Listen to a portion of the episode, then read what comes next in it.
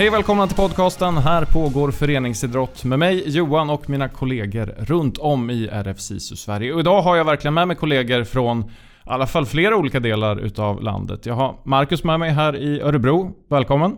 Tack så mycket Johan. Jag står ju i och för sig en meter ifrån dig, så runt om i Sverige. vi börjar nära och så ja, förflyttar vi oss också till Småland där vi har David Faxå med oss. Eh, hur är läget? Eh, jo men tack, det är bra tycker jag. Det är alla tiders med mig. Lite längre än en meter bort är jag.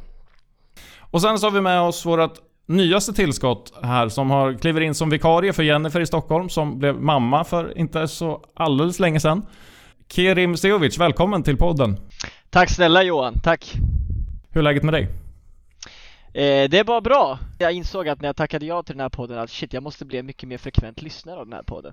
Så jag har eh, tillbringat ganska mycket tid nu senaste tiden till att lyssna i kapp avsnitt. Så på väg hem från Eskilstuna nu i eftermiddag så har jag i, ett, i en vind eller en regnpiskad bil lyssnat på Davids ljuvliga stämma och pratat om eh, coronapandemins effekter. Så att det var bra.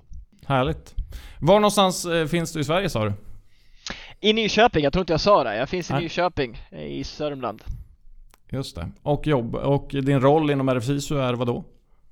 Eh, idrottskonsulent, så eh, som majoriteten här inne skulle jag tro, eh, arbetar som idrottskonsulent eh, till vardags eh, och utgår då ifrån Nyköping men har även ett lite större ansvar i grannkommunen Oxelösund. Så.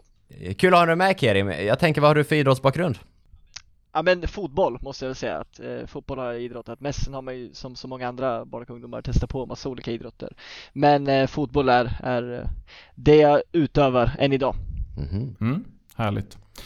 Eh, som sagt, kul att ha dig med. Eh, vi ska idag prata om, eh, göra ett lite speciellt avsnitt. Vi har ingen gäst, utan det är vi som ska försöka komma med lite olika inspel ifrån vårt land när det gäller mottagandet av flyktingar. Och det är ju någonting som har varit väldigt aktuellt de senaste månaderna eh, efter Rysslands invasion av Ukraina.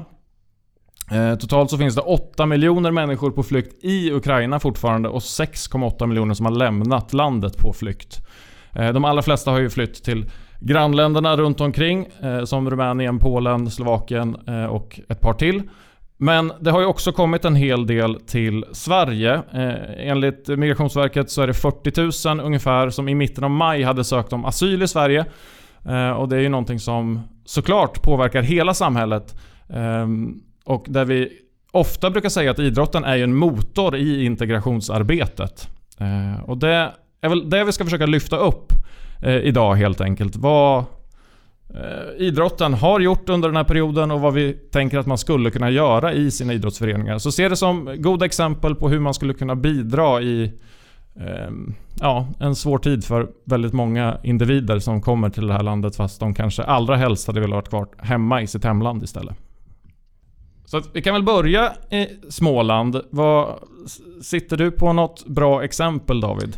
Ja men absolut, jag, jag sitter på, på några stycken. Jag, jag, ringde runt till mina ganska många kollegor och kollade lite på vad de har gjort i sina respektive kommuner och de flesta har ju gjort någon form av insats i lite olika storlek så. Men jag fastnade för ett fotbollsexempel om vi börjar i den eh, ändan så eh, ett, ett, ganska litet i sig, det är inte så att de har tagit emot eh, ett stort antal men ett litet antal i eh, Vetlanda eh, Vetlanda GIF eh, som eh, en fotbollsförening, en så här klassisk mindre kommun, eh, centralorten har en fotbollsförening liksom eh, där eh, det kom ett barn och eh, föreningen vände sig då till sitt eh, RFSISU, eller sin idrottskonsulent då, RFSISU Småland och och bollade lite hur ska vi kunna ta emot eh, flyktingar eh, i den ordinarie verksamheten. Och det tryckte man verkligen på att man ville få in det i det ordinarie. Eh, tidigare har vi ju sett att när det kommit lite större kvantiteter kanske där under 2015 så, så startades liksom in, integrationslag eller inkluderingslag, alltså att man tränade en gång i veckan och det var bara flyktingar som fick vara med där och sen pågick det och det var ju kul för dem. Men man kom inte som en del i den ordinarie verksamheten och det har man nog lärt sig någonting av. Och eh, ja, i det här exemplet då, något färre men man eh, jobbade för att få in dem i den ordinarie träningen så man sökte lite medel för, ja, alltså Eh, Eh, lite träningsavgifter, eh, lite eh, kläder, utrustning, sånt som man inte fick med sig när man fick kasta sig in i en bil och fly över en natt i princip. Så liksom fotbollsdagarna var väl inte prioriterade så lite sånt material och, och träningsavgifter, någon transportkostnad och så. Och även få till liksom inte bara träningen utan man vill inkludera familjen i föreningen och bjuder in dem till föreningsträffar och information och, och så vidare. Så Eh, ett, ett litet exempel men ändå ett, ett ganska bra, jag tror det är ganska ett generellt exempel som många som lyssnar kanske känner igen. Min bild är ju att det är många som har lärt sig utav flyktingkrisen 2015-2016 när det kom ungefär 160 000 flyktingar till Sverige. Ehm, att liksom man har lärt sig lite grann och fått en erfarenhet att ta emot människor eh, med en, liksom, som har haft det tufft och behövt fly sina länder helt enkelt. Att ta emot flyktingar. Eh, så att det finns en högre kompetens idag skulle jag säga än vad det gjorde 2015-2016. Hos de föreningarna som valde att göra någonting då så tänker jag att det här steget att göra någonting nu också är mycket, mycket lättare. Eh, men det finns ju såklart många som, som ännu inte har tagit sig an eh, den utmaningen kanske. Ja, och det kan man bara exemplifiera här i Vetlanda så sökte de även medel för att kunna hitta på lite för eh, syskon. Alltså de, de kanske inte har lag i, i den ålderskategorin, men man tänker även på syskonen, att kunna inkludera dem i, i verksamhet eller att bara att kunna eh, få lite fika när, när storebrorsan eller storesystern kommer och, och ska träna så så får syskonet vara med och få ett sammanhang att, att vistas i och, eh, och just den, det är en sån liten grej men det tror jag man har lärt sig över tid. Hur ser det ut i Sörmland Kerim? Har du eh, några exempel som du har snappat upp? Ja, absolut. Det finns, och i det här fallet inte en lagidrott utan ett enskilt exempel på en individuell idrott och det är Oxelösund, Oxelösunds judo som där en eh, styrelseledamot eh, via en bekant fick nyss om att det hade ankommit eller kommit en flykting till Kila som ligger ungefär 15 kilometer från Oxelösund. Och att den här killen då var väldigt sugen på att utöva judo. Eh, så i det här fallet tog föreningen kontakt med familjen via den här bekanta eh, eller mellanparten och eh, bjöd in den här personen till, till sin träning som, som egentligen över, över en natt kom ner och, och bara hoppade rakt in och började träna. Och det är väl det som är ganska häftigt med idrott att även om inte kommunikationen alltid sitter så förstår man det idrottsliga språket. Så att den här killen hittade ju sitt sammanhang ganska omgående och ganska snabbt. Och här har ju då Eh, jag tycker att det mest anmärkningsvärda i det här perspektivet är ju hur föreningen arbetat med sitt värdskap gentemot den här personen, det vill säga hur man har arbetat med att inkludera in eh, utöva och lära språk, bara de delarna innan, efter träning, eh, hämtat den här personen hem hos sig, skjutsat och så vidare. Alltså det finns en ganska större logistik kring en individ och det tycker jag är ganska häftigt när en förening sluter upp bakom en sån sak. Det säger ganska mycket om värdegrunden som man arbetar med och som man jobbar med. David nämner också liksom ett, alltså ringar på vattnet kopplat till familjemedlemmar och så dylikt och det är samma sak här att en familjemedlem för den här eh, unga grabben eh, var så tacksam och så fortsatte och tog kontakt med föreningen. Föreningen besvarade kontakten och hjälpte till och med den här personen få ett, få en, få ett jobb här i Sverige. Eh, och, och, liksom, det är ganska häftigt att, att via idrotten, via en person, via en bekant eh, kunna skapa eh, den här inkluderingen och verkligen bjuda upp till, bjuda upp till eh, bra saker. Men, men lite, ringde också runt lite i vårt distrikt och jag tänker på liksom det är inte alltid så enkelt att bara komma in och ibland tror jag man eh, Just de här skillnaderna, låt säga idrottskulturella skillnaderna, det är ju en ganska stor barriär ibland. Eh, när jag pratade med vår eh, Eh, integration och inkluderingsansvarig här i RFSU Sörmland så nämnde han just skillnaderna i hur det är att idrotta i Ukraina. Och så vitt jag förstår det så är väldigt mycket exempelvis förstatligat eh, och att, att liksom föreningslivet är inte alls uppbyggt på samma sätt. Om vi jobbar mycket med att fler ska vara med, många ska vara med oavsett om du är mamma, pappa, farbror, farfar eh, så är det helt annorlunda eh, i hur man idrottar eh, i den delen av världen. Eh, utan där handlar det mer om att du ska idrotta, vilja bli bra, vilja bli duktig. Mamma, pappa ska inte involveras utan liksom, det är en helt annan typ av miljö eh, och att då komma hit och bli välkomnad in i en idrottsfamilj på det här sättet tror jag inte alltid är helt enkelt eller helt vant vid rättare sagt eh, för, för de här individerna. Uh, jag, jag fastnar lite på det du säger om, om kulturen, att det är en, en barriär. Vi hade en föreläsning internt för oss av en, en kille som heter Tamus. Han är ordförande i Ukrainas innebandyförbund. Eh, han har bott i, i Sverige hela sitt liv och talar flytande svenska och bor i Sverige. Men han befann sig i Kiev när kriget bröt ut. Eh, så han fick fly eh, och han, ble, han, var med ganska mycket i svensk media för han satt i de här bilköerna så ni som lyssnar och kommer ihåg den här dagen så, så minns säkert för han var med i varenda nyhetskanal. Han var med i nonstop i nyheterna i sju timmar sa han, i alla länder typ. Eh, för att han var ganska kommunikativ så. Han berättade om, om just hur idrotten fungerar i Ukraina och kan bara bekräfta det du säger Kerem, att det är väldigt förstatligat och det är väldigt mycket prestation och eh, han, han pratade om vikten av att, eh, av att vi svenska föreningsrepresentanter eh, Eh, söker upp, eh, för, för, det är inte en garanti att, eh, att bara för att det finns ukrainare på orten att de per automatik söker sig till fotbollsplanen eller till tennisplanen eller judohallen utan att man faktiskt eh, kan jobba uppsökande och förklara och eh, vara kommunikativ och visa och verkligen bjuda in och här är liksom en innebandyklubba eller här är en, en eh, judodräkt så att, att det kan behövas för att de kulturella skillnaderna är så pass stora. Och det, det här möter vi väl i stort sett eh, så fort det kommer någon ut, utanför Nordens gränser i alla fall och ska involveras, inkluderas i svensk idrott, att det ser ju lite speciellt ut. Vi pratar mycket om det här med ideella engagemanget som man kanske inte är van vid på det här sättet. Min bild är ju att om man jämför själva idrottsutövandet så har det ändå varit relativt smidigt eh, att eh, liksom slussa in eh, de som har kommit ifrån Ukraina nu. Eh, det kanske var tuffare på ett sätt eh, med de som kanske kom från Syrien 15-16. Det är i alla fall det jag har fått höra från olika föreningar, att man tycker att det gått väldigt smidigt nu. Delvis kanske på grund av att man har en högre kompetens själv, men också kanske beroende på var man kommer ifrån.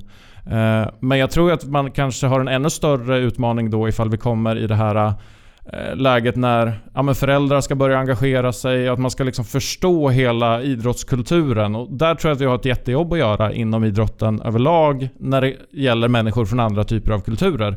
Eh, att försöka få dem att förstå varför man ska engagera sig, eller det behövs för att den svenska idrottsmodellen ska funka så att säga. Och det har vi väl brottats med ganska länge och det blir, väl, det blir ju ofta tydligt i sådana här situationer.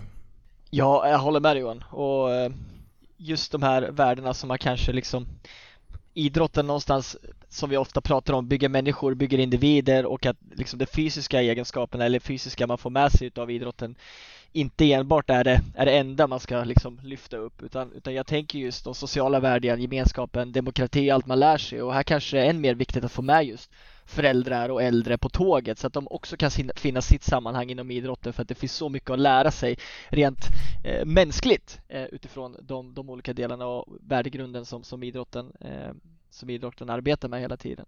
Eh, så jag tror det av yttersta vikt att inte bara kanske fokusera på de som utövar utan även att man försöker så gott man kan eh, hitta möjligheter för föräldrar och hitta sammanhang för dem att kunna, att kunna delta eh, i de här delarna.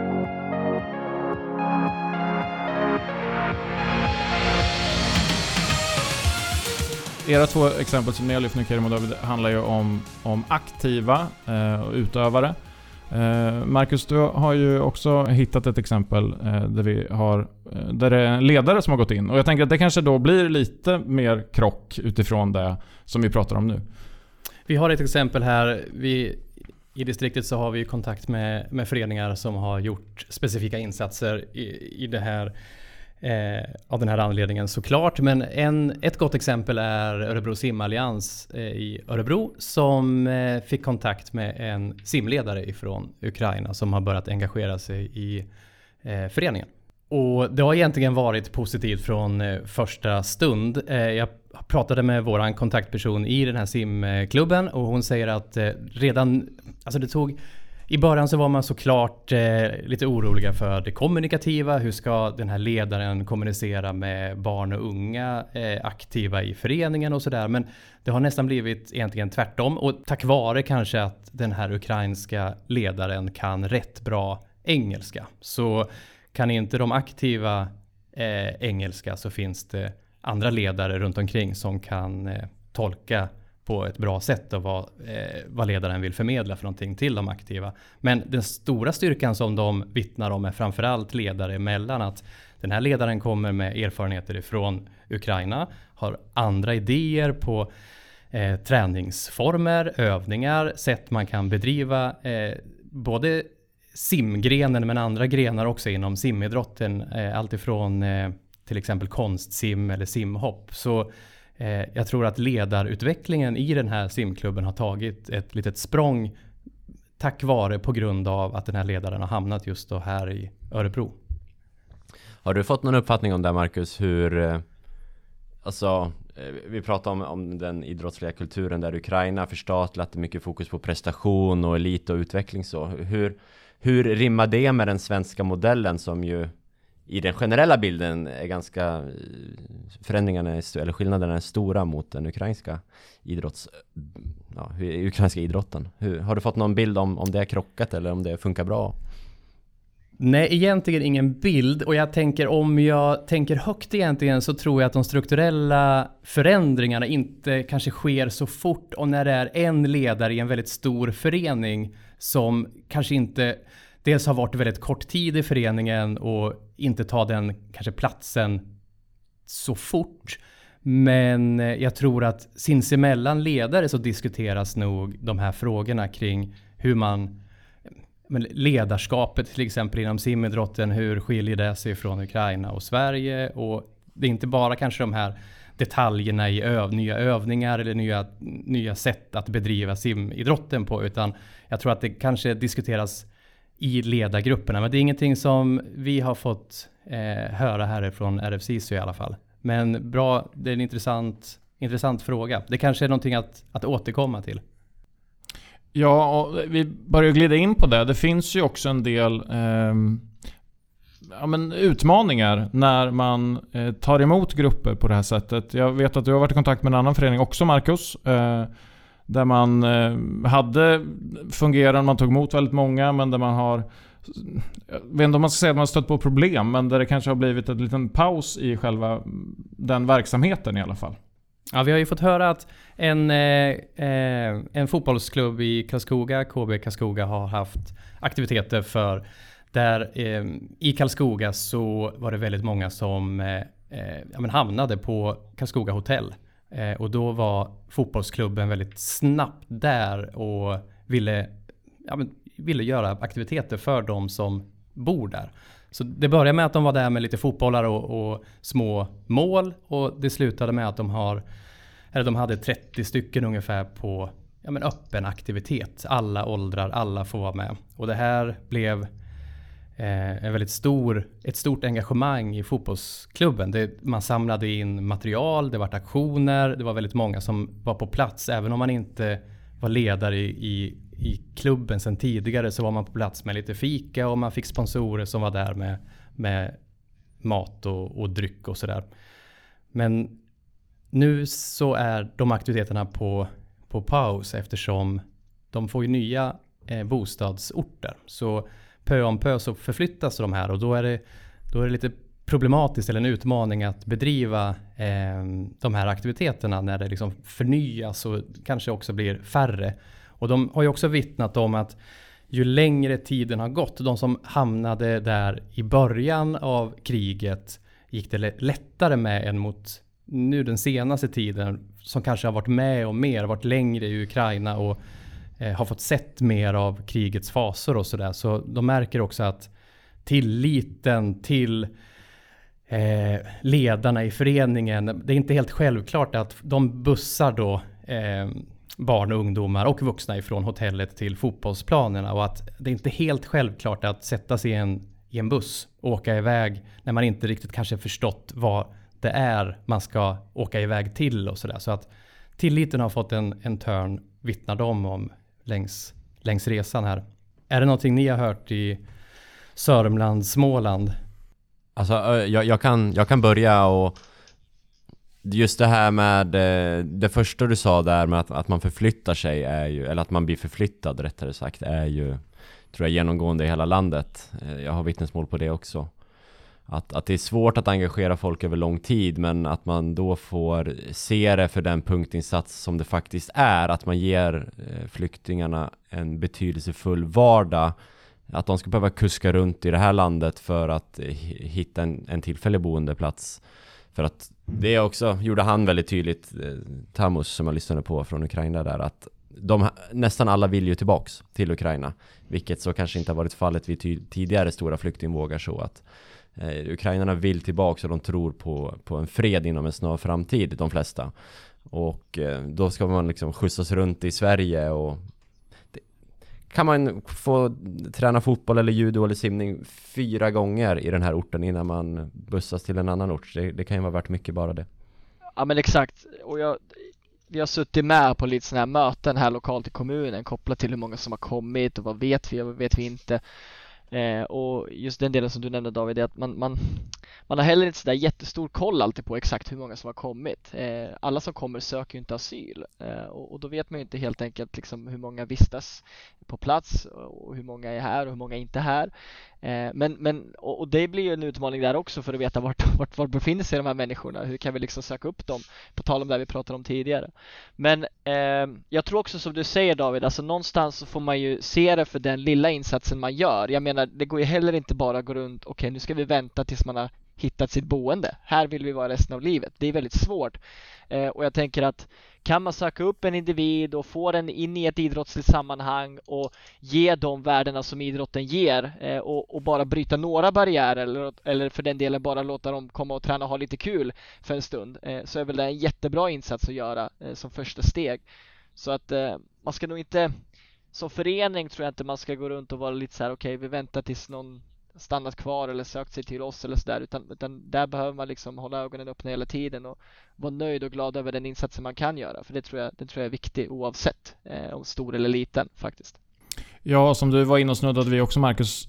Ja men det finns ju barn eh, och vuxna för den delen också som kommer hit som har De kommer från ett krig, de har sett ganska hemska saker också. För vissa så kommer det vara perfekt att komma iväg och få simma eller träna judo en liten stund.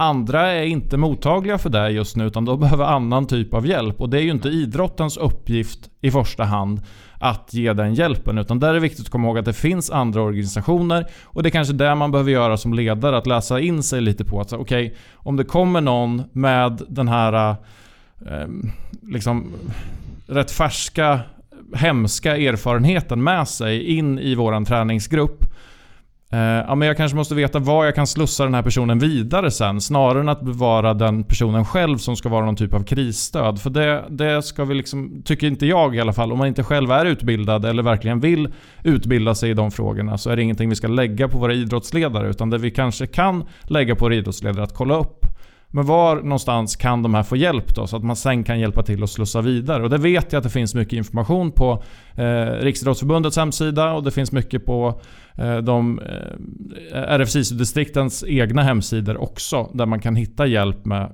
var eh, kan man slussa vidare helt enkelt. För att det är ju människor som kommer ifrån ohyggliga erfarenheter. Absolut, och jag tror generellt att man behöver hjälpas åt i flera av de här frågorna. Alltså, är det, jag tror kommunerna behöver stötta föreningarna. Vi på RFSISU-distriktet behöver stötta föreningarna i olika sätt. Alltså mycket ansvar, ofta när vi pratar uppsökande verksamhet och när vi pratar om eh, verksamhet där vi på ett eller annat sätt ska göra kanske i projektform eller dylikt så, så lägger vi ganska mycket ansvar på föreningen. Att de ska göra mycket av arbetet och att vi bara någonstans ska vägleda. Och här tror jag verkligen att vi någonstans tillsammans solidariskt behöver visa framfötterna allihopa för att kunna skapa de bästa förutsättningarna för ledare på sin ideella tid, för föreningar som lägger så mycket engagemang till att kunna genomföra bra saker. Här behöver liksom slutas upp något enormt, precis som det gjorde 2015 i många, många delar av landet, eh, så behöver det göras igen. Om du sitter och lyssnar på det här och är idrottsledare själv och känner att så här, ja, men vi skulle ju vilja finnas till, eh, så det bästa tipset, det är oftast det vi ger i den här podden. Men hör av er till ett RFC-distrikt så kommer vi kunna hjälpa er att hitta rätt väg att eh, kunna hjälpa till på de sätten ni vill. Eh, det finns ju bland annat så har, har, man möjlighet att söka olika typer av ekonomiska stöd för den här typen av verksamhet så att det inte ska behöva bekosta klubbkassan. Lägger man tid och lägger man engagemang på det här så, så, så ska det räcka från föreningen så att säga. Eh, så att det är egentligen det jag vill skicka med er i, i slutet av det här avsnittet. Att Kom ihåg att höra av er till ett RFSIS-distrikt om ni behöver hjälp kring någon, någon sån här del. Det kan, vara, det kan finnas behov av tolkar, det kan behövas stöd ekonomiskt, det kan behövas hjälp som du är inne på Kerim. Vad, finns de här personerna ens i vår närhet? Det kanske man inte vet som förening, men man känner att om de gör det, då vill vi göra någonting.